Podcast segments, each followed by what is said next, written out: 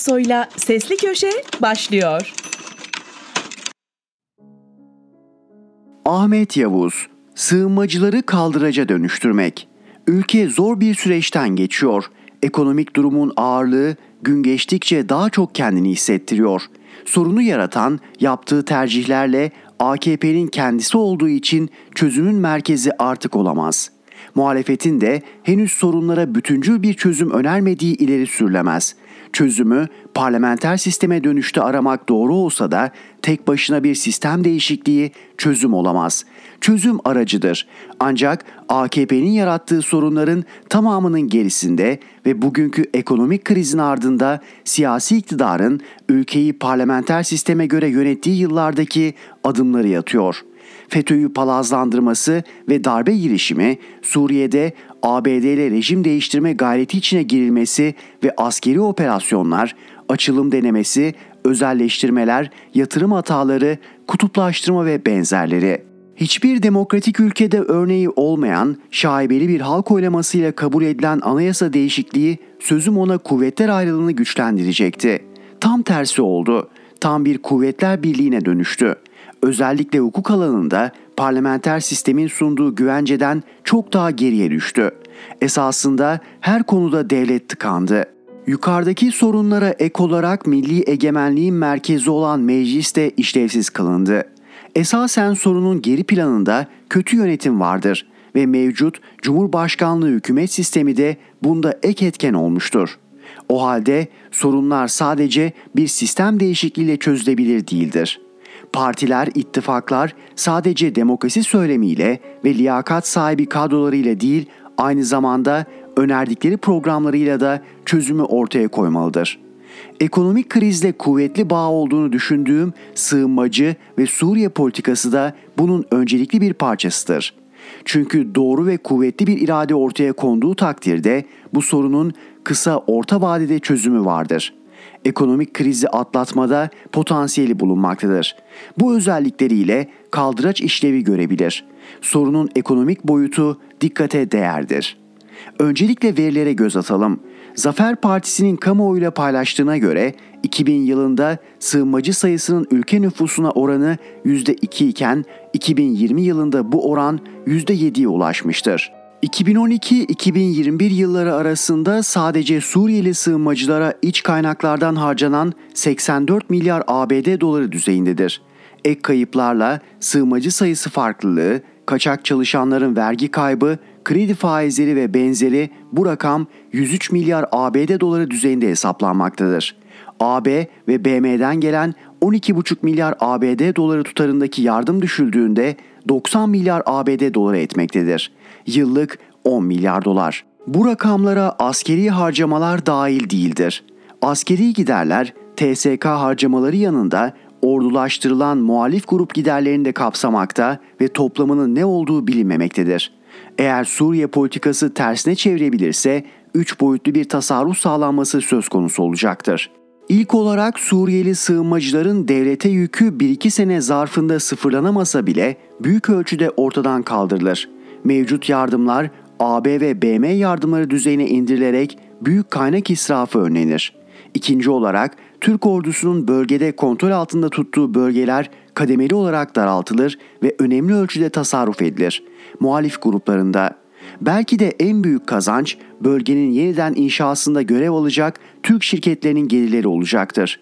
Bu çözüm elbette tek başına ülkenin ekonomik darboğazdan çıkmasını sağlamaz ama önemli bir adım olur. Yeni Suriye politikası ulusal çıkarlara uygun olarak nasıl hayata geçirilebilir?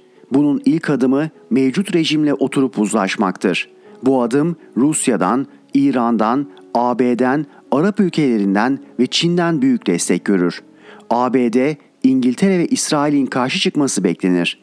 Buna direnmek gerekir. Suriye'nin iç işlerine karışmak Türkiye'nin işi olamaz ancak bu ülkede artık eski yapının yeniden tesis edilmesi olanaksız görünmektedir. Bu yüzden parçalı özerk yapılarda içerse Suriye'nin toprak bütünlüğünü, siyasi birliğini ve egemenliğini sınırlarında merkezi devletin kuvvetli otoritesini sağlayacak bir yapı kurulmak zorundadır.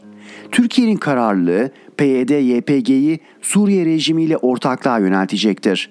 Bu ABD'nin de bölgeden dışlanması demektir. Hatalarımız sonucu üç parçalı da olsa sınırlarının merkezi devletin ordusunun koruduğu bir Suriye, değerlendirilebilirse sığınmacılar ve Suriye sorununun çözümü kaldıraç olabilir. Aksi halde ataları eve lazım olan camiye haramdır diyen bir halkın çocukları elde kalanı da sığınmacıları yedirmeye ve daha da fakirleşmeye, kimliği kaybetme riskini almaya ve sınırlarının güneyinde parçalanmış bir ülkenin sorunlarıyla enerji kaybetmeye hazır olmalıdır. Bütüncül programın ilk adımı bağırıyor. Ahmet Yavuz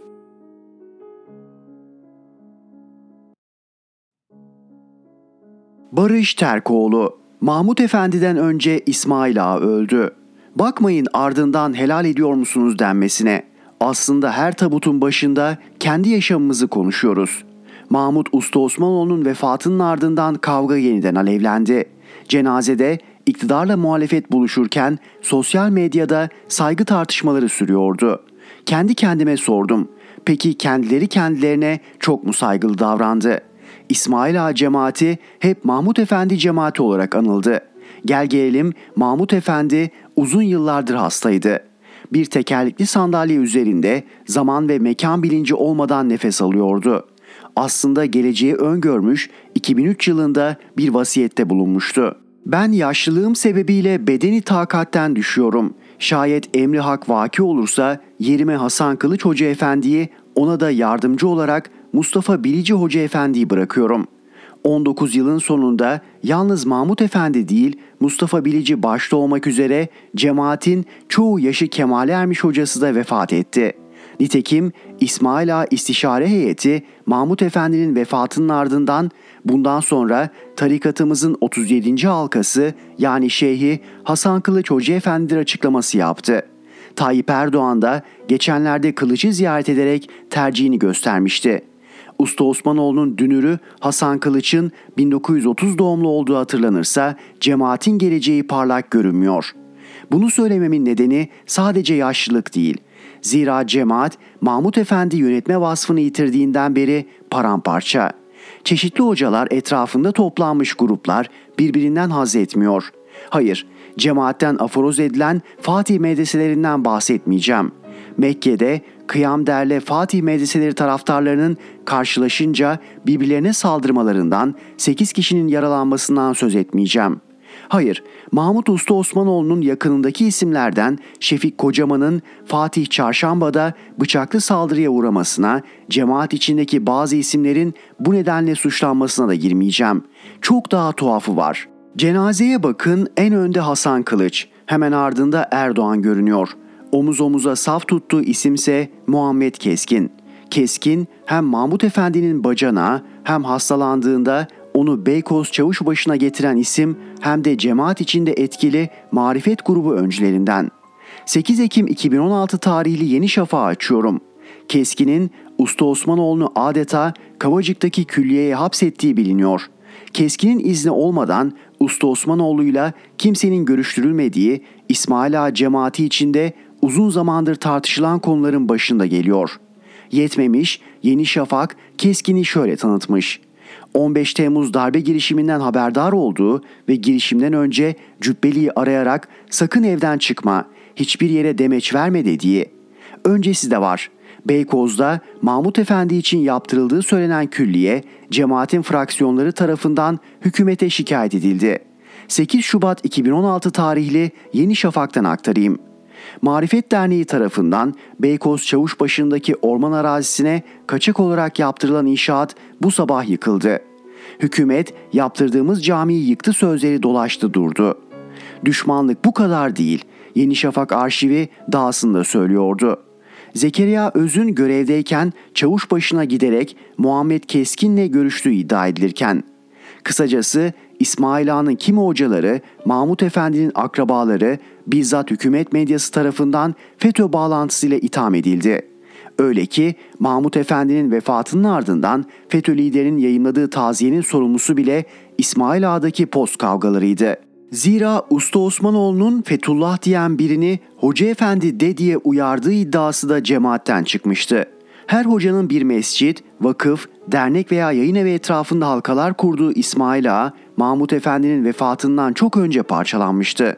Her grup en Mahmut Efendici benim demek adına zaman zaman ipin ucunu kaçırmış, Allah'ın ete kemiğe büründüm, Mahmut diye göründüm dediğini vaaz kürsülerinden anlatanlar bile çıkmıştı. Savaş öyle sertti ki Metin Balkanlıoğlu gibi öldükten sonra belden aşağı çeşitli dedikodularla itibarsızlaştırılanlar bile oldu. Dinin dinle, mezhebin mezheple, tarikatın tarikatla, hocanın hocayla bitmez kavgası.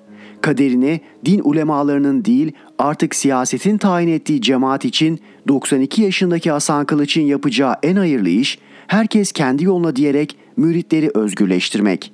Yaşarken ölüme doğru koşuyoruz. Her cenazede sonu yeniden hatırlıyoruz.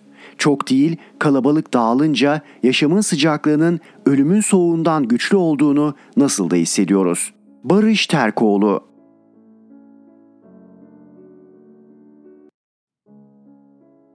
Güven Gürkan Öztan çatırdıyor ama çökmüyor. Neden? Peker zoraki sessizliğinin ardından dolaylı bir biçimde yeniden sahneye çıktı. Seçimden hemen önce konuşacağı iddia edilen Peker'in neden şimdi harekete geçtiği, yeni ifşa dalgasının sürpriz bir biçimde niçin erkene çekildiği bilinmiyor. Firari mafya liderinin hedefinde yine İçişleri Bakanı Soylu, Mehmet Ağar ve etraflarındaki ilişkiler yumağı var. Peker, turbun büyüğü heybede mesajını vermeye devam ediyor.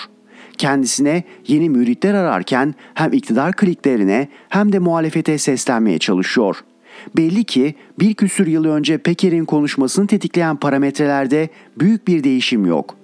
devlet içindeki kavgada bırakın suların durulmasını çok daha çalkantılı bir sürece girilmiş gibi görünüyor. Emekli Emniyet Müdürü Sabri Uzun'la Kaçakçılık ve Organize Suçlarla Mücadele Dairesi eski başkanı Hanefi Avcı'nın sudan bahanelerle rütbelerinin sökülmesi sadece bu isimlerle ilgili bir hamle olmanın muhtemelen çok ötesinde. Bu tip kararlara HSK'nın yaz kararnamesiyle yeri değiştirilen hakim ve savcıları da eklemek gerekir. Söz konusu yer değiştirmelerin bir bölümü ödüllendirme, bir bölümü de sürgün niteliğinde. Görünen o ki rütbe sökmeler, tayinler, makam savaşları üzerinden devlet içinde seçim öncesi hareketlenen bir mevzi savaşı var. Mevzi savaşını bu noktaya getiren nedenlerin başında iktidar değişimi ihtimalinin eskisine nazaran daha kuvvetli bir hal alması var.'' CHP lideri Kılıçdaroğlu'nun sıklıkla devlet bürokrasisine hitap etmesi ve bunun kısmen de olsa neticesini alması iktidar mahfillerinde endişe yaratmış durumda. Şayet iktidarı kaybederlerse kılıfına uydurularak saklanan nice şaibeli işin ivedilikle ortaya saçılacağını hissediyorlar. Avcı ya da Uzun gibi isimler üzerinden atılan adımlarla bürokrasinin eski ve yeni unsurlarına susun yoksa gitmeden bedel ödetiriz mesajı gönderiyorlar devlet içindeki itiş kakış AKP saflarında da karşılığını buluyor. Bülent Arınç başta olmak üzere AKP kurucularından bazılarının ara ara yaptığı siyasi çıkışlar kadar onlara cevap verme yarışına girenlerin Gökçek ya da Metiner gibi simalar olması da düşündürücü. Gökçek ve benzerleri her ne kadar gözden düşmüş olsalar da yargının işlemediği bir zırha bürünmüş olmaktan memnunlar ve bu imtiyazlarını kaybetmemek için her şeyi yapmaya da hazırlar.'' AKP'liler arasındaki salvolar devlet bürokrasisinde gözdağı operasyonları, iktidarın küçük ortaklarının kaprisleri, mafya liderinin ifşaları, aktrollerin günah çıkarmaları. Hepsi birer çatırdama sesi doğru. Sanki kirişler çatlıyor, duvarlardaki çatlaklar büyüyor, harç dökülüyor. Fakat bunlar sanıldığı gibi Erdoğan'ı büyük bir endişeye sevk etmiyor. Bilakis çatırtıları kendisi olmasa binanın çökeceğine işaret eden alametler olarak sunuluyor.'' Enkaz altında kalmak istemeyen rejim unsurları birbirlerini yemekten vazgeçemese de Erdoğan'ın etrafında etten duvar olmayı sürdürüyor. Muhalefetin karşısında ne pahasına olursa olsun Erdoğan'la bir dönem daha diyenlerin örtük bir koalisyonu var. Muhalefet binanın dışında çatırdama seslerine kulak kesilmiş, saray denilen bu iktidar plazası çökecek, biz aynı yerde hisselere pek de dokunmadan başka bir müteahhit ve mimarla yenisini inşa edeceğiz diyor.'' bu kez iktidar plazasının akıllı bina olacağını, halkın üst katlardan manzarayı seyredemese de kolaylıkla binaya girip çıkabileceğini, plaza yöneticisinin bina faturasını halka daha az yansıtacağını vaat ediyor. İşte bu yüzden de çatırdayan iktidar ayakta kalmaya devam ediyor. Yeniyi kurmak cesaret ister. Öyle hisselere dokunmadan yapılabilecek bir iş değildir. Yeni iktidar binasına en iyi müteahhit, en iyi mimar bulmayı, bina bittikten sonra da en iyi kullanım kılavuzunu hazırlamayı müjdeleyerek geniş halk kitlelerinin inşaata haş taşımasını beklemek olsa olsa bir naiflik gösterisidir. Sürekli baskıyla, krizlerle, skandallarla, yolsuzluklarla, ben yaptım oldu diyen liderlerle ve benzeri demokratik toplumsal reflekslerini ve birlikte eylem becerisini büyük ölçüde yitiren Türkiye toplumunun yeniyi inşa edecek gücü bulabilmesi, ana akım siyaset vasatının dışına çıkabilecek politik öznelerin çabasıyla mümkündür.'' Yoksa şeyh cenazesinde boy göstermekle, İslamcıya toz kondurmamakla, serbest piyasa övgüsüyle masada oturup ona buna makam biçmekle gelinecek nokta en fazla hele bir sandık gelsin bakalımcılıktır. Güven Gürkan Öztan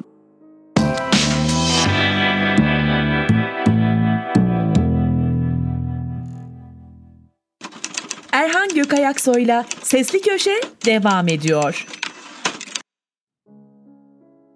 İbrahim Kahveci, Borç Batağı Geçen hafta açıklanan verilere göre merkezi yönetim borç stoku Mayıs 2022 itibarıyla 3 trilyon 364 milyar liraya ulaşmış. Mayıs 2018'de muhteşem başkanlık sistemi gelmeden bu borçların tutarı 959 milyar 48 milyon liraydı. Muhteşem başkanlık sistemiyle Türkiye Cumhuriyeti Devleti'nin borç stoku 3,5 katlık artış yaşamış. 2003 yılı sonunda AK Parti ilk yılını tamamladığında kamu borçları 283 milyar liraydı. İki kez revize edilerek kağıt üzerinde artırılan gayri safi yurt içi hasıla sayesinde kamu borçlarının gelire oranı %60'larda kaldı. 2017 yılında kamu borç oranı %28'e düşerek en alt seviyeye inmişti. Başkanlık sistemiyle kamu borç oranı yaklaşık 10 puanlık artışla artık gelirin %37.2'sine geldi. Diyeceksiniz ki AK Parti hala kamu borç oranını eski seviyelerin altında tutuyor. Bakın daha 2003 yılında %60 kamu borç oranı vardı. Haklısınız ama durun. 1. Kamu borç oranı henüz yeni artmaya başladı. Artık ciddi bir tasarruf programı uygulanmazsa katlamalı bir borç sarmalına gireceğiz. Nitekim kamu borç yükünün faiz gideri bütçenin de içinden çıkılmaz noktaya getirecek. Uzun yıllar yılda 50 milyar lira olan faiz gideri şimdilerde bütçeye 400 milyar liraya mal oluyor. 2. Şimdi asıl noktaya değinelim. Borç yükü olarak çoğu zaman kamu borçları ele alınıyor.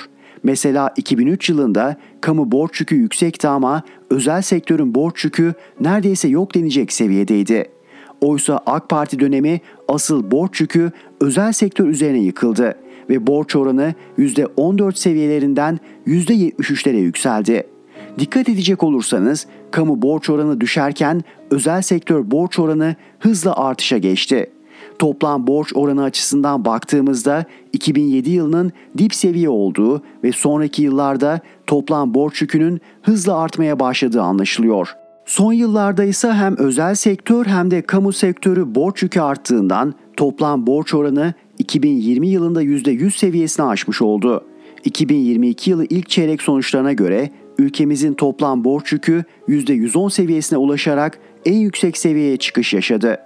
Aslında tıpkı kamu özel işbirliği projelerinde olduğu gibi peşin hükümlü olmamak gerekir. Mesela her borçlanma zararlı değildir. Siz bir yatırıma gidiyorsanız ve özellikle de verimli bir yatırımsa bunu borçlanmayla yapabilirsiniz.'' Ama ülkemiz nedense bu talihi bir türlü yakalayamıyor. Uzun yıllar itibariyle baktığımızda zaten borç artışının gelir artışının çok üzerinde olması bizim verimsiz bir borçlanmaya gittiğimizi gösteriyor. Gelir yaratmayan borçlanma belki de en tehlikeli borçlanma olsa gerek.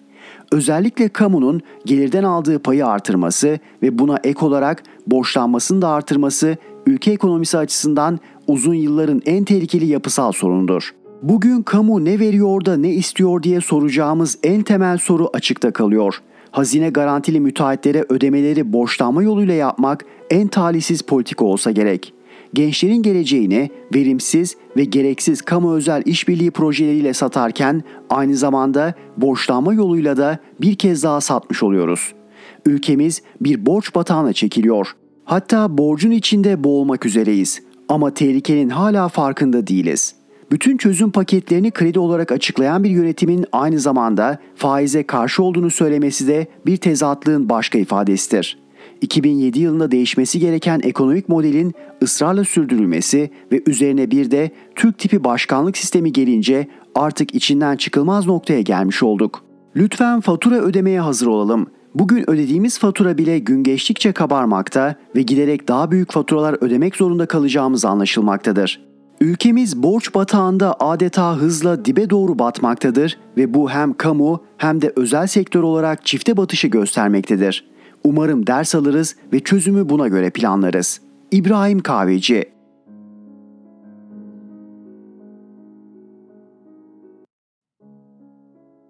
İsmail Saymaz, Mansimo, pistin parasını Tolga Ağar'a zarf içinde verdim. Sedat Peker geçen yıl Mayıs ayında ifşaatlarına başladığında ilk olarak Azerbaycanlı iş adamı Mübariz Mansimov'a çöküldüğünü ileri sürdü.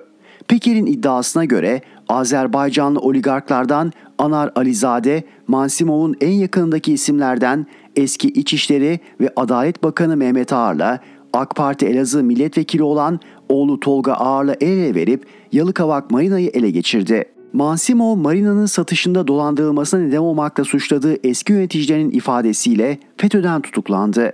Mansimo örgüte yardım suçundan 5 yıl ceza aldı. Mansimo suskunluğunu 2 Eylül 2021'de Halk TV.com.tr'ye bozdu. Bana verdiği söyleşi de Pensilvanya'ya Ağar'ın isteği üzerine ve özel uçağıyla gittiğini, Ağar'a ulustaki evini bedelsiz verip kira almadığını, marinadaki benzin istasyonunu Ağar'lara armağan ettiğini, Tolga Ağar'ı yönetim kurulu üyesi olarak atadığını, Ağar, Aydın Yeni Pazar cezaevinde tutukluyken her hafta ziyaret ettiğini, cezaevinin tadilatını üstlendiğini, cezaevi yakınına helikopter pisti yaptırdığını iddia etti. Mehmet Ağar iddialara 9 ay sonra Azerbaycanlı gazeteci Eynullah Fatulayev'in YouTube kanalında yanıt verdi. Ağar şunları söyledi. Konuştuklarının hepsi yalandır aşağı yukarı. Bir tanesine cevap vereyim. Cezaevinde yatarken cezaevine helikopter pisti yaptırdığımı söyledi. Onu yaptıran o dönemki Nazilli Belediye Reisidir. Bugün de MHP Aydın İl Başkanı'dır. Hangi bir yalanını söyleyeyim çok. MHP Aydın İl Başkanı Halık Alıcıksa cezaevi komutanı mı, müdürü mü, başsavcı mı aradı hatırlamıyorum. Bunun üzerine bir firmaya yaptırdım. Devletimiz istedi sonuçta. O gün en güçlü belediye biziz. Yapın dediler yaptık diye konuştu. Ancak yetkililerin cezaevine pist yaptırmak için Yeni Pazar Belediyesi'nden değil de komşu ilçe olan Nazilli'den yardım istemesi, belediyenin de böyle bir masrafa girişmesi izaha muhtaç. Gelişmeler üzerine Mansimov'u aradım. Ağar'ın yanıtını sordum. Ağar helikopter pistini yaptırdığınızı yalanladı. Yazık, başka diyecek bir şey yok. O piste ve Ağar'ın oğluna para verdim. Yazıklar olsun. Tolga Ağar'a mı verdiniz? Evet. Nerede verdiniz? Aydın'da ünlü bir pidecide yemek yemeye gittik. Yemek yerken Tolga Ağar bir helikopter pisti yapmak lazım dedi. Arabada para vardı. Korumam getirdi verdi. Paket içinde mi? Zarf içinde. Ne kadar verdiniz? Tam hatırlamıyorum. Ancak 20 bin doların üzerindeydi. Yanınızda kimse var mıydı? Dört kişiydik. O zaman hem belediyeye yaptırmış hem siz para vermiş oluyorsunuz. Belediye hesaplarında görünmesi lazım. Onun yalan olduğunu düşünüyorum. Çünkü Nazilli Belediye Başkanı'nı tanıyorum. En azından bana söylerdi. Hangi vesileyle tanırdınız? Mehmet Ağar vesilesiyle. Bir gün marinaya geldi. Orada yemek yedik. O yaptırmış olsa size söylerdi öyle mi? Konu açılmadı. Açılsa söylerdi. Ağır terör suçundan cezası onanmış bir insan. Onun için hangi belediye başkanı pist yapar? Bir kişi için pist yapılır mı ya? Diyelim belediye yaptırmış. Demek ki yalancı hırsız bunlar. Belediyeye de yalan söylemişler. Hem ondan hem benden para alıyorsa başka nasıl açıklayabiliriz ki? Ağır diyor ki bütün iddiaları yalan. Neyim yalan? Dediklerimin yalan olduğunu tek tek söylesin. İsterseniz sivil havacılıktan görürsünüz. O piste benim helikopterimden başkası gitmemiş. Bir defa rahmetli Mustafa Koç, bir de Ferit Şahenk. Kalanlar hep benim helikopterim. Sadece siz mi gidiyordunuz? Ben gidiyordum. Başka gitmek isteyenler de kullanıyordu. Helikopter Bodrum'daydı. Tanınan insanlar var mıydı gidip gelen? Bir sürü. İhsan Kalkavan kaç defa yanına gitti. Söylesin neden geldiğini. Peker, Gülen'in Ağar'a gönderdiği yedi kitap ve bir mektuptan söz ediyor. Bir kitap geldiğini biliyordum. Mektup? Sanki vardı öyle bir şey. Ben şöyle bir şey biliyorum. Aydın Cumhuriyet Başsavcısı Ekrem Yiğit'i FETÖ'den görevden aldılar. Ağar'ın onun için Petkim'den avukatlık işi istediğini biliyorum. İşe mi yerleştirdi? İşe değil de avukatlığı verdiler. Başka iddialarınız da vardı. Mesela Ulus'taki evinizi Ağar'a verdiğiniz iddiası. Ona nasıl itiraz edecek ki? İkamet kaydı buradaydı. Şu anda oturduğum evde. Cezaevine girmeden önce burada oturdu. Cezaevi tadilatı bitince teslim oldu. Hatırlarsınız cezası onandı, bir ay sonra teslim oldu. Ona itiraz edemez. Cezaevi tadilatında yaptırdığınızı iddia etmiştiniz. Ne masraflar vardı hepsini ben karşıladım. Beyefendi çıkıp desin ki oğlum yaptırdı veya ben yaptırdım. Kendisi televizyonda diyor ki emekliliğim hiçbir şeyim yok. Neredeyse yoksul bir hayat yaşadığını söylüyor. Bir de koymuş arkasına Erdoğan'la Atatürk'ün resmini. Kusura bakma he nokta nokta derim. Benim hakkımda zaten ne diyecek ki? Ben çıkıp söyledim ona kalmadan. Zaten kabul ediyorum onunla Pensilvanya'ya gittiğimi. Ağır kendisine baksın. Türkçe olimpiyatlarında Gülen'e övgüler yağdıran bir insan. Beni yalanlıyor da Peker'i neden yalanlamıyor? Peker diyor ki mübarizi öldürmek istedin. Ağır için şikayette bulundum. Savcılık kapattı. Hukukun doğru düzgün işlediği bir devlette bunu sorgularlar. Arkadaş, İçişleri ve Adalet Bakanlığı yapmışsın. Eğer bir şey gizleniyorsa bu suç değil mi? Ben diyorum çıkıp konuşsun. Yüzlerce FETÖ övgüsü var. Mübarizin bir tane göstersinler. Cumhurun seçmeni de sürtük hakarettir diyor. Cumhurbaşkanı Erdoğan'ın Gezi Parkı eylemcilerine sürtük diye hakaret etmesi çok tartışıldı. Metropol Araştırma Haziran ayı anketinde bu hakareti vatandaşa sordu. Sürtük demek hakaret midir sorusuna karşılık %83'ü hakarettir derken %13.8'i değildir diye yanıt verdi. AK Partilerin %70,5'u, MHP'lerin %80.6'sı hakaret olduğunu söylüyor. Cumhurbaşkanının gezi protestolarına katılanlara sürtük demesini doğru buldunuz mu sorusu yöneltildi. %76.8'i doğru bulmadığını ancak %18.2'si bulduğunu söyledi. AK Partilerin %51.8'i, MHP'lilerin %69.5'i doğru bulmuyor. HDP oyları olmadan Millet İttifakı Cumhurbaşkanlığı seçimlerini kazanabilir mi diye soruldu.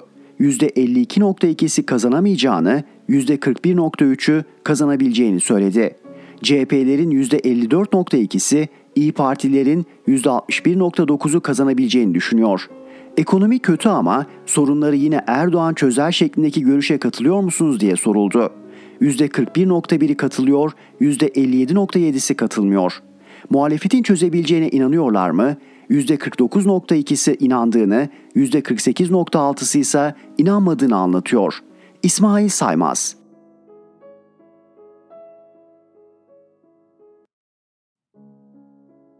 Merdan Yanardağ Seçimlerde solun rolü Türkiye'de toplumun 2000'li yılların başında içine girdiği kültürel ve siyasal plandaki yön ve program farklılaşması fiziki ve entelektüel sınırlarına dayanarak artık taşınamaz hale gelmiştir. Toplum ortak yön duygusunu bütünüyle yitirmiştir. Ülke yeni bir yönün tayin edileceği tarihsel bir hesaplaşma kavşağına, diğer bir ifadeyle sancılı bir yol ayrımına doğru sürüklenmektedir.'' Bu bağlamda 2023 Cumhurbaşkanlığı seçimleri sadece Erdoğan AKP iktidarı ve İslamcı faşist blok için değil, Türkiye'nin geleceği için de bir kader referandumu niteliği kazanmıştır. Dolayısıyla önümüzdeki seçimler salt bir seçim olmanın ötesine geçen bir anlam kazanmıştır. Türkiye ya bir önceki çağın değerler dünyasına iade edilecek ya da mevcut hibrit rejimi de aşarak yeniden modernite ve aydınlanma yoluna girecektir. İkinci yolun ucu eşitlikçi ve toplumcu bir düzene kadar açılmaktadır. Birincisi ise dipsiz bir dinci karanlık ve faşizan bir zulüm rejimidir. Bu nedenle tarihin önümüze koyduğu görev öncelikle gericiliği ve faşizmi yenilgiye uğratmaktır. Diğer bütün görev ve hedefler bu bağlamda ikincildir. Dolayısıyla muhalefet alanındaki bütün siyasal güçler özellikle sol soruna bu perspektifle bakmak zorundadır. Durum böyle olunca seçimlerin olağan koşullarda güvenlik ve sükunet içinde geçeceğini, adil ve demokratik bir ortamda gerçekleşeceğini sanmak saflık olacaktır. Kaldı ki Sadat adlı gayri nizami harp örgütünün şirketinin kapısına dayanan CHP gibi iktidar alternatifi bir partinin yönetimi de aynı görüşe sahiptir seçim sonuçlarına müdahale edilebileceği, çatışmalı bir kaos ortamı yaratılarak halk iradesine el konulmak istenebileceği endişesi bir vehim olmanın ötesine geçmiştir. Yeni bir toplum inşa etme misyonuna soyunan Erdoğan AKP iktidarının yakaladığı tarihsel fırsatı bir seçim ilgisiyle kaybetmek istemeyeceği açıktır. İslamcı hareket Kutlu Dava adını verdiği hedeflerine bütünüyle ulaşmak, yeni rejimin kurulu sürecini tamamlamak ve geri dönüş eşiğini aşarak kalıcılaştırmak için elinden gelen her şeyi yapacaktır. Bu nedenle her olasılığa karşı hazırlık yaptığı, milisler oluşturduğu bilinmektedir. Sedat Peker'in AKP İstanbul İl Başkan Yardımcısı aracılığıyla Balat semtinde İslamcı militanlara silah dağıtıldığına ilişkin iddiasının büyük ölçüde doğrulandığı anımsanmalıdır. Diğer taraftan Türkiye'de muhalefet partilerinin buna sol ve sosyalist çevrelerde dahil sokakta başlatılacak gerici saldırıyı karşılayacak bir hazırlıkları ve buna uygun güçleri yoktur. Solun ülke geneline yayılacak bir gerici isyanı bırakın bastırmayı, karşı koyacak bir sosyopsikolojik hazırlık içinde olmadığı da açıktır. Üstelik böyle bir sokak hareketi ya da isyan İslamcı hareketin iktidarda bulunduğu bir ortamda gerçekleştirilecektir. Bu nedenle olası bir gerici isyanı kararlılıkla bastıracak bir devlet gücü de ortada yoktur. Seçimler bütün iç ve dış iktidar dinamiklerini kaybeden AKP yönetimi için tek meşruiyet kaynağıdır. Dolayısıyla seçimlerden kaçması imkansızdır. Bu nedenle halkın iradesini çalmayı deneyecektir. Ancak her şeye karşın cumhuriyet ve anayasal düzen bir kabuk halinde de olsa varlığını korumaktadır. Yasallık bu bakımdan hala önemini korumaktadır. Ancak halkın iradesine el koymaya yönelik bir şiddet dalgası sokakta karşılanamaz ve durdurulamazsa o kabuk halindeki cumhuriyetin yapacağı pek fazla hiçbir şey de yoktur. Dahası böyle bir durumda devletin bütünüyle çıplak gericiliğin emrine girme olasılığı ise hayli yüksektir. Masa başında yani seçim kurulları üzerinden halkın iradesinin çalınması girişimi karşısında da yine sokakta ve eylemli olarak demokratik bir direniş geliştirmek zorundur. Aksi halde kaybetmek yeni bir Atalan'ın Üsküdar'ı geçme vakasıyla karşı karşıya kalmamız kaçınılmazdır. Merkez sağdaki cumhuriyetçi çevrelerin halkın iradesine el koymaya yönelik bir fiili müdahale girişimi karşısında yapacakları pek fazla şey yoktur. Gericiliği ve faşist hareketi sokakta durdurabilecek tek güçse sol ve yurtsever hareketlerdir. Sol, cumhuriyetçi toplum kesimlerini içerebildiği ölçüde de başarılı olacaktır. Çünkü gericiliğe karşı en büyük ilerici direniş potansiyelini cumhuriyetçi, laik toplum kesimleri ve siyasal gruplar oluşturmaktadır. Solun yeniden kitlelerle buluşmasının yolu da buradan geçmektedir. Bunun için yapılacak ilk ise gerici, liberal ve etnik milliyetçi tarih tezlerini çöpe atmak, sosyalist hareketin ikinci kurucu kuşağının gerçekleştirdiği 68-70 atılımının referans alanlarına dönmektir. Kendi ilerici ve devrimci tarihiyle buluşmak ve barışmaktır. Bu anlamda sosyalist ve devrimci solun önümüzdeki seçimlerde oynayacağı rol niceliksel değil nitelikseldir. Cumhuriyetçilerin veya sadece cumhuriyetçi solun tek başına yapamayacağı bir iştir bu. Ancak devrimci ve sosyalist solun öncülük etmesiyle geliştirilecek bir direniş ve karşı hamle hattı oluşturulması halinde gericilik ve faşizm sokakta durdurulup yenilgiye uğratılabilir. Yeniden büyük, toplumun kaderinde söz sahibi olacak ve etkin bir siyasal güç haline gelmenin yolu da buradan geçmektedir.'' AKP-MHP blokunun diğer bir ifadeyle gerici faşizan hareketin yenilgiye uğratılması elinde tuttuğu kamu gücüne karşın zor değildir. İslamcı ve faşist hareketin toplumsal desteğini kaybettiği açıktır. Adil ve demokratik bir ortamda yapılacak seçimleri kaybedecekleri kesindir. Bu nedenle seçimlerden kaçmaya çalışıyorlar. Dahası halkın iradesine zorla ya da hileyle el koyma yollarını arıyorlar.'' Gerici faşizan blokun yenilgiye uğratılmasının bütün nesnel koşulları hazırdır. İktidar partisinin temsil ve teklif ettiği gelecek projesi ideolojik ve siyasal bakımdan da yenilgiye uğramıştır. AKP iktidarının yürüttüğü neoliberal ekonomi politikaları çökmüş, daha önemlisi uzun bir bekleyişten sonra da olsa halk tarafından reddedilmiştir. Toplumun yeni gerici dinci bir anlayış temelinde bütünüyle dönüştürülmesi girişimi başarısızlığa uğramıştır toplumun yarısından fazlası bu girişime karşı aktif şekilde direnmiştir. İslamcı siyaset sınıfı ulema, yükselen muhafazakar sermaye, emperyalizm ve liberal entelejansiyadan oluşan yeni iktidar bloku bütünüyle çözülmüştür. Uzunca bir süredir yaşanan bu çözülmenin bir siyasal koalisyon özelliği taşıyan AKP'nin örgütsel yapısını sarsması da kaçınılmazdır. Nitekim Deva ve Gelecek Partilerinin çıkışı bunun işaretidir. Ancak parti örgütlerinde başlayan çözülmeye karşın AKP henüz yıkılmamıştır. Bu parti eğik düzlemde bir iniş sürecine girmiş olsa bile gücünü belli ölçülerde korumaktadır. Yeni bir toplum inşa etmek iddiasının taşıyıcısı olan bütün siyasal örgütlerin ortak özelliğidir. Çözülme zamana yayılır, başlangıçta sancılı ve yavaş bir seyir izler. Özetle kazanmak için bütün nesnel şartlar hazırdır. Hazır olmayan öznel koşullardır. Bu nedenle ülkenin demokratik güçleri için zafer determinist değil volontarist olacaktır. Ancak belirtmeye gerek yok ki seçimleri kazanınca ne toplumun sorunları çözülecek ne de hayat bayram olacaktır. Sadece ülke gericiliğe ve faşizme teslim edilmeyecek, toplumun ilerici ve demokratik güçleri suyun üzerinde kalmayı başaracaktır. O da az şey değildir. Unutulmamalıdır ki gericiliğin ve faşizmin yenilgiye uğratılması sadece ülkenin değil solun da önünü açacaktır.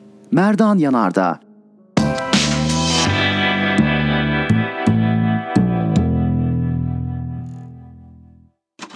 Erhan Gökayaksoy'la Sesli Köşe devam ediyor. Murat Ağırel, bu madeni derhal kapatın. Yıllardır, aylardır yapılan uyarılara ve kendi adıma günlerdir yaptığım uyarılara rağmen uğruna linç edildiğim araştırma ve sorgulamalara rağmen maalesef Erzincan İliç'teki altın madenindeki siyanür patladı. Çalık Holding ve arkasında küresel maden baronu desek yanlış olmaz Rothschild'in olduğu Kanadalı Anagold Madencilik Sanayi ve Ticaret AŞ tarafından işletilen madende kullanılan siyanür suya karıştı. Borunun patlaması sonucu 20 metreküp siyanürlü solüsyon Karasu Nehri'ne döküldü.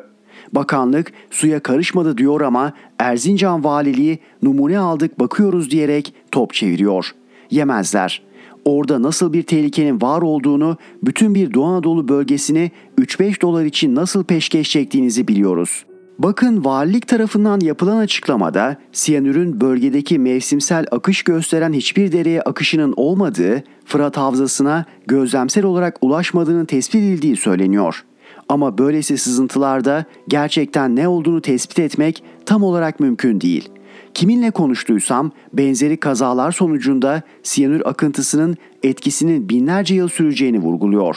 FETÖ'nün kumpasına uğrayan İlhan Cihaner'in neler anlattığını aktarmıştım. Firari FETÖ'cü Bayram Bozkurt'un dolayısıyla FETÖ'nün başımıza bela ettiği bir yer bu maden. Süreç aslında daha eski. Ancak 2010 yılından itibaren altın çıkarılan Çöpler Köyü'ndeki Anagold Madencilik tarafından işletilen madendeki sızmadan dolayı İliç Cumhuriyet Başsavcılığına suç duyurusunda bulunuldu. İlçe Cumhuriyet Başsavcılığının yürüttüğü soruşturma kapsamında İlçe Jandarma Komutanlığı tarafından oluşturulan bir ekip 22 Haziran 2022 günü bölgeye giderek gerekli araştırma ve incelemelerde bulundu. Bir tutanak hazırlandı. Aynen aktarmak istiyorum. Hazırlanan tutanakta şu ifadeler yer aldı. Madeni cevherden ayrıştırmak için kullanılan siyanürlü solüsyonu borular vasıtasıyla damlama yöntemiyle lit sahası üzerindeki cevhere damlatıldığı söz konusu işlem devam ederken sistem üzerinden basınç kaybı algılandığı ve tespiti için ilgili birimin derhal olaya müdahale ettiği 21 Haziran 2022 saat 2.45'te algılanan basınç kaybının 28 nolu lift bölümünde siyanürlü solüsyonun pompalandığı boruda meydana gelen yırtılmadan kaynaklandığı, aynı gün saat 5 sıralarında tespit edildiğini ve tespite mütakip derhal siyanürlü solüsyonun borular vasıtasıyla pompalanması işleminin durdurulduğu, Yapılan incelemede lift 28 bölgesinde yırtılan boru içinde yaklaşık 20 metreküp siyanürlü solüsyonun eğime bağlı olarak lift 27, lift 26, lift 25 ve lift sahası doğu erişimin yoluna aktığı, lift sahası altında döşeli bulunan membranın söz konusu yolda bittiği ve siyanürlü solüsyonun bir kısmının eğime bağlı olarak söz konusu yola aktığı beyan edilerek çalışmalara başlandığı ve iş makineleriyle bağlantı yolu bölgesindeki siyanürlü solüsyonun aktığı dolgu zeminin sıyrılarak alınan malzemenin lift 23'e aktarıldığı ve yolun çamaşır suyuyla yıkandığı ve süreç boyunca saat 5 itibarıyla siyanürlü solüsyonun sahaya pompalanmasının durdurulduğu, normal şartlarda lit sahasına ana borulardan pompalanan solüsyon saha içerisindeki bölümlere damla sulama borularıyla kontrollü olarak verilerek cevherin siyanürlü solüsyonu yavaş yavaş emdiği ve cevher içinde bulunan altın ve benzeri madenlerin söz konusu solüsyona tutunarak lit sahası altında döşeli membran üzerinden yerleştirilmiş borular vasıtasıyla toplanarak ADR tesisine aktarıldığı ve burada ayrıştırma işlemine tabi tutulduğu, söz konusu yırtılan borunun ana borudan damla sulama kılcal borularına giden yardımcı boru olduğu ve yırtılma sebebiyle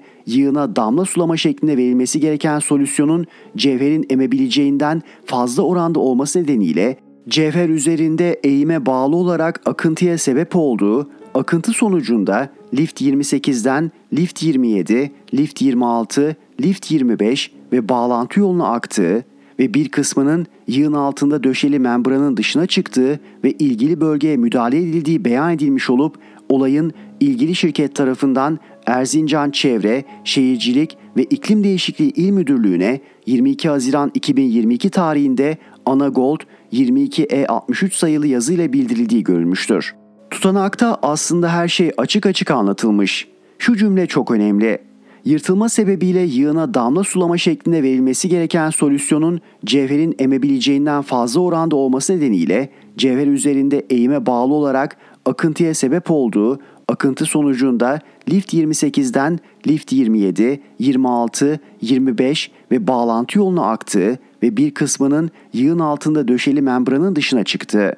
Yani zaten bir ihmal var ve topu hep Çevre ve Şehircilik Bakanlığı'na atıyorlar. Tekrar ediyorum. Yemezler kardeşim yemezler. Çünkü bakanlık açıklamasında yapılan incelemede boru hattından kaynaklanan sızıntının tesis sınırlarının dışındaki eğimli arazide aktığı, mevsim itibarıyla alt kotta bulunan dere yatağında herhangi bir su akışı bulunmadığı ve kuru dere yatağına ulaşan herhangi bir kirlilik olmadığı tespit edildi. Ancak söz konusu tespitin analiz raporlarıyla teyit edilebilmesi amacıyla çevre laboratuvarı tarafından gerekli analizler yapılmak üzere numuneler alındı ifadeleriyle önemli bir şey yok deniliyor. Ama olmaması imkansız toprağa karışan siyanürden bahsediyoruz. Açtım telefonu siyanürle altın arama konusunda doktora yapmış TMMOB'nin eski yönetim kurulu üyesi ve Anagold madenciliğe dava açan Cemalettin Küçe'ye sordum. Diyor ki numuneler nereden, hangi bölgeden ve olay olduktan ne kadar zaman sonra toplandı? Siyanür karıştıktan sonra, buharlaştıktan sonra numune almanın ne faydası var? O kadar kolay değil. Bağımsız laboratuvarların incelemesine de artık izin vermiyorlar. Sonuçta olayı kapatmaya çalışıyorlar. Üstelik bu tek seferde olmuyor.'' Bu küçük bir miktar belki ama önemsiz değil. Bu büyük felaketin habercisi. Şirkete ceza yazmanın ne manası var doğa kirlendikten sonra? Yarın bu binlerce katı miktarda akarsa ne olacak? Ne yapacaksınız? Bu bir kaza değildir. Yarın daha büyüğü olacak. En güzel lafı söylemiş. Evet, bu bir kaza değildir ve daha kötüsü de olacak. Bu madeni derhal kapatın. Murat Ağırel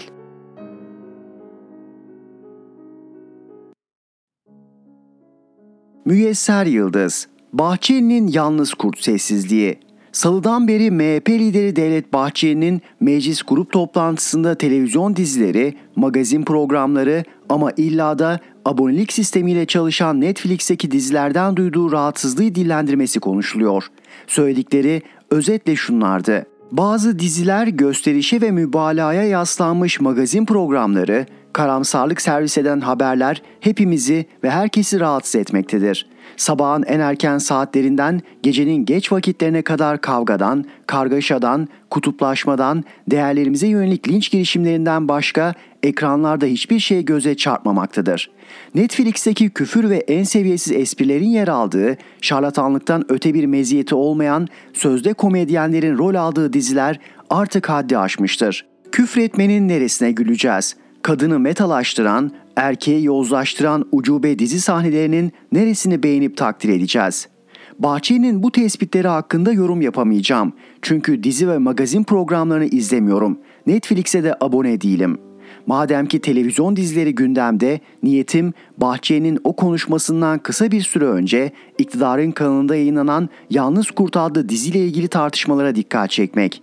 Bunu da hiç izlemedim, sadece medyaya yansıdığı kadar biliyorum.'' 3 Haziran'daki bölümünde Barzani ailesi liderliğindeki bölgesel yönetim hedef alınıp şöyle diyaloglara yer verilmiş. Kerkük ve Musul Türk yurdudur. Kerkük Göktürk'tür. Bu toprakların asıl sahipleri Türkmenlerdir. Kerkük ve Musul bizimdir. Böyle kendinize bölgesel yönetim filan diyorsunuz ya. Aslında siz Büyük Orta Doğu Projesi'nin uydu oluşumlarından birisiniz. Türkmenler, Süryaniler, Şiiler, Sünniler tek tek hepsi sizden hesap soracak.'' Konudan AKP'li Yeni Şafak yazarı Mehmet Metiner'in bir hafta sonraki tepkisi üzerine haberdar olduk. Metiner şunları yazdı. Irak Kürt bölgesel yönetimi ve o yönetimin şahsında Irak Kürtlerine yönelik düşmanlık sınırlarını bile aşan nefret diline yaslanan diyalogların gösterime sokulması eminim ki en fazla PKK'yı ve PKK'nın iplerinin elinde tutan o mazlum güçleri sevindirmiştir.'' Bildiğim o ki misyonumuza ve duruşumuza zarar verdiler. Ayda bir neredeyse o yönetimin seçilmiş başkanı Neçirvan Barzani'yi ağırlayan Cumhurbaşkanımız Erdoğan'ın Türk-Kürt kardeşine yaslanan ve herkese kazandıran köklü dış politikasına darbe vurdular.'' Tarihsel toprak iddiaları üzerinden Türkiye'nin algısını bozucu propagandalarda cabası. Bunun adına milliyetçilik ve Türkiye severlik diyenler varsa daha çok dizimizi döveriz diyorum.'' Herkes bilsin ki bizler Irak'taki Kürt bölgesel yönetimini meşru görüyoruz. Kardeşlerimizin yönetimi olarak görüyoruz. Kardeş halklar arasında nifak ve çatışma ateşini harlamak isteyenleri de zinhar kendimizden bilmeyiz. Metinleri başka AKP'liler de destekledi. MKYK üyelerinden Abdurrahim Fırat, duygularımıza tercüman olmuşsunuz. Abdurrahman Kurt da oldukça provokatif, halkı kim ve düşmanlığa sevk edici, müşrik bir zihniyetin yansıması dava açmak gerekli mesajı verdi. Ardahan Milletvekili Orhan Atalay ise bütünüyle tahkir ve tahrik amaçlı bir kurgudan ibaret Yalnız Kurt isimli iğrenç ırkçı temalar içeren diziyi de onu yayınlayan ATV'yi de kınıyorum. Coğrafya ve tarih kadar kadim bir gerçeklik olan onlarca milyonluk bir sosyolojiyi inkar aptallığıyla kim nereye varmak istiyor açıklamasını yaptı. Diziye tabii ki Barzani cenahından da tepkiler geldi. Metiner o yazısından sonra Yalnız Kurt'un yayından kaldırılmasını bekliyordu ki kaldırılmayınca bir hafta sonra ikinci bir yazı kaleme alıp bu defa eleştiri oklarını dizinin yapımcısı Osman Sınav'a yöneltti. Sınav için ömrümüzü adadığımız davamıza ırkçı faşist zihniyetli zevatın rota çizmesinden fazlasıyla rahatsızım ifadesini kullanan Metiner, ATV'yi meğer bir Osman Sınav kadar değerimiz yokmuş bizim. Anladık, not ettik unutmayacağız, yazıklar olsun sözleriyle uyardı. Bu arada Barzanileri de tarihsel Türk-Kürt ittifakının en anlamlı örneğini sunmak için ellerinden geleni ardına koymadılar. Türkiye'ye düşmanlık eden PKK terör örgütünü karşılarına aldılar. Türk ordusuyla ve hükümetiyle beraber PKK'ya karşı mücadele ettiler. Mesut Barzani kalkıp Diyarbakır'a kadar geldi. Erdoğan'ın PKK karşıtı Kürtlerle ilgili politikalarına destek için saflarını Erdoğan'dan yana belirlediler diye övdü. Demek Doğu ve Güneydoğu illerimizi kendi haritası içinde gösteren, PKK'yı terör örgütü saymayıp siyasi çözüm isteyen, Ankara Kerkük'e karışırsa biz de Diyarbakır'a karışırız diyen ve tarihi Türkmen kenti Kerkük'ü ele geçirme emellerinden asla vazgeçmeyen onlar değilmiş. Birazdan aktaracağız ama Metiner söz ettiği için hatırlatalım.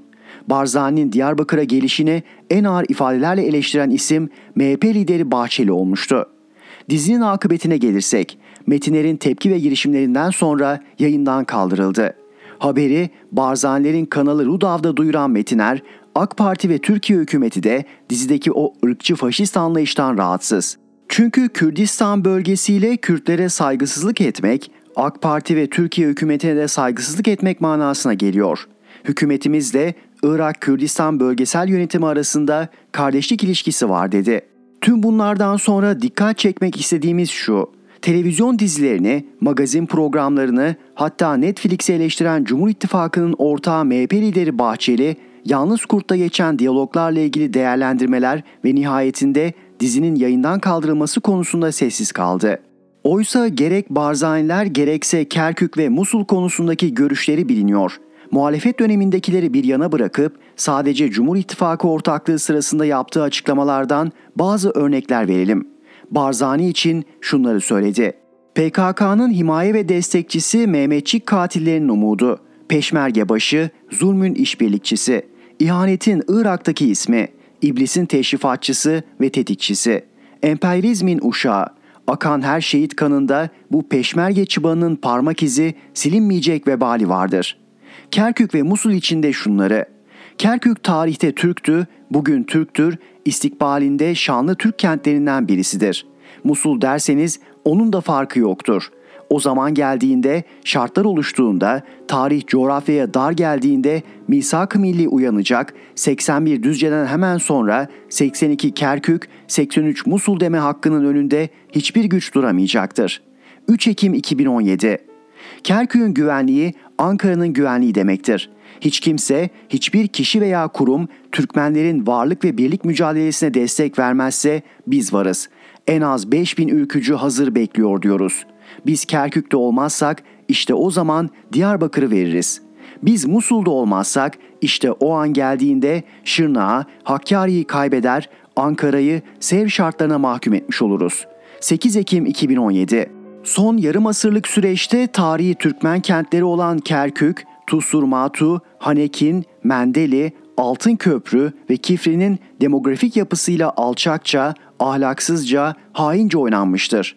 Bunun adı bize göre Türk düşmanlığıdır. Failleri ve figüranları ise bellidir. Peşmerge'nin Kerkük başta olmak üzere Türkmenlerin yurtlarına, yuvalarına, onurlarına ve bağımsızlıklarına kastetme hazırlıkları felakettir. Buna cüret edenler karşılarında Türklüğün çelikten iradesini bulacaklardır. 18 Ocak 2022 Acaba Barzani gerçekten değişti de AKP'liler o yüzden mi yalnız kurttaki ifadelere tepki gösterdi? Bunun cevabını sıcak bir gelişmeyle verelim. Malum ABD ve Fransa öncülüğünde Suriye'deki bölücülerle Barzani'ye bağlı Suriye Kürtleri Ulusal Konseyi birleştirilmeye çalışılıyor. İşte iki yıl aradan sonra geçtiğimiz günlerde konseyle sözde Demokratik Suriye Meclisi Rojava'nın Kamışlı kentinde bir araya geldi. Görüşmede iki tarafın birlik çalışmaları ve diyalogların yeniden başlaması konusunda mutabık kaldığı bildirildi. Görüşmeye öncülük eden isimlerden birisinin şu sözlerine dikkat. Toplantı resmi değildi. Resmi görüşmeler Başkan Barzani, General Mazlum Abdi ve ABD gözetiminde gerçekleştiriliyor. Ancak biz bir grup aydın, yazar ve siyasetçi Kürt taraflar arası diyaloğun yeniden başlamasını ve başarılı olmasını istiyoruz. Demek ki neymiş? Kardeş denilen Barzani ile Suriye'deki terörist başı sözde General ve Öcalan'ın manevi oğlu Mazlum Abdi resmi görüşmeler yapıyormuş. Hem de ABD'nin gözetiminde. Suriye'deki temaslarının ardından konsey heyetiyle görüşen Mesut Barzani'nin Suriye'deki Kürtlerin etkinliği artmalı, halk vatanını terk etmemeli ve direnmelidir dediğinde kaydedelim. Bir dizi üzerinden buralara geldikten sonra şunları soralım. Bahçeli Yalnız Kurt dizisini izlemiyor muydu veya tepkilerden haberi olmadı mı? İzliyordu ve haberi olduysa kendileri de mi Barzani yönetimiyle Musul Kerkük'le ilgili o ifadeleri ırkçı ve faşist buldu? Yani bu konulardaki görüşleri mi değişti? Değilse o tepkilere ve dizinin yayınına son verilmesine neden sessiz kaldı? Müyesser Yıldız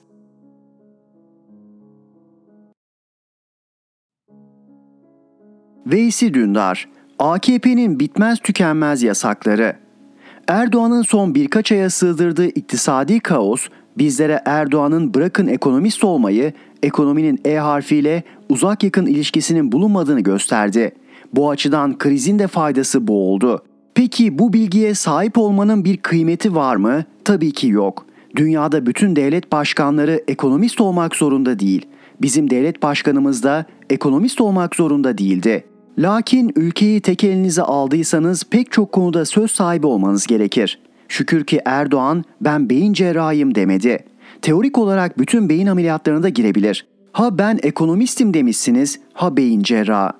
Tabi sahte beyin cerrahının yan etkisi kısa zamanda görülür ve hasta yakınları cenazeden sonra soluğu doktorun kapısında alır.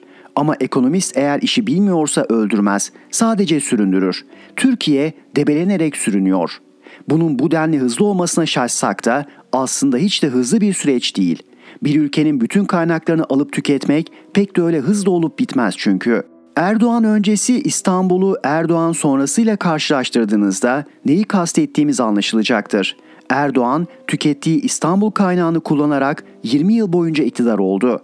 Bugün İstanbul'un istihap haddi doldu ama ülkenin kazanımları hala ortalıkta görünmüyor. Türkiye iktidar tarafında olmayan herkesi yasaklarla tanıştıran ülkeye zaten dönmüştü. Bu defa yasaklar bambaşka bir cepheden geldi. Türkiye'de bireylerin krediye ve finansa ulaşımı yasaklandı. İster ihtiyaç, ister taşıt, ister konut olsun hatta buna kredi kartını da eklemek gerekir. Türkiye'de bireylerin finansa ulaşması imkansıza yaklaştı. Bu durumun tek sebebi ise iktisadi krizin geldiği nokta. Ülke ekonomisinde akla ziyan asimetriler yaratıldı. Enflasyon fiyatlar genel seviyesinde artış manasına geldiği halde paranın değerini korumak için paraya da en az enflasyon kadar değer kazandırma gerektiği unutuldu. Ülkenin tasarruf yapan, para biriktiren kesimi tarihte az görülen bir iktisadi jenoside soykırıma uğradı.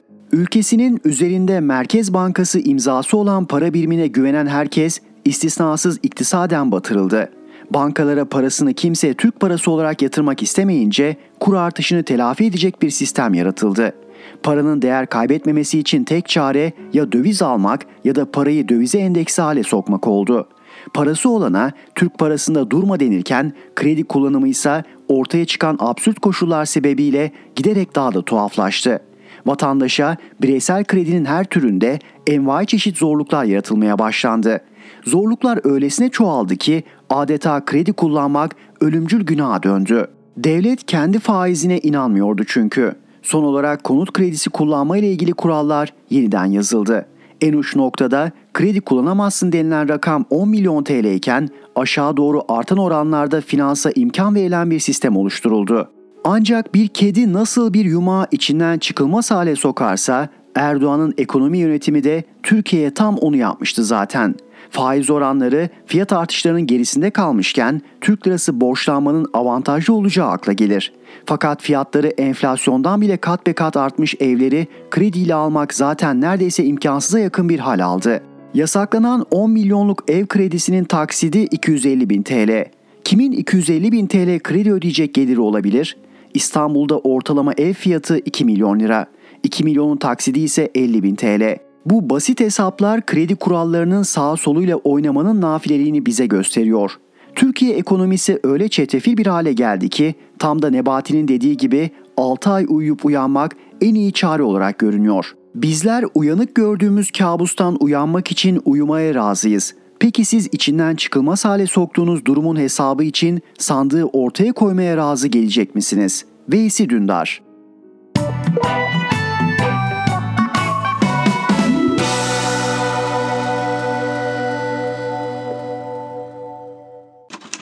Erhan Gökayaksoy'la Sesli Köşe sona erdi.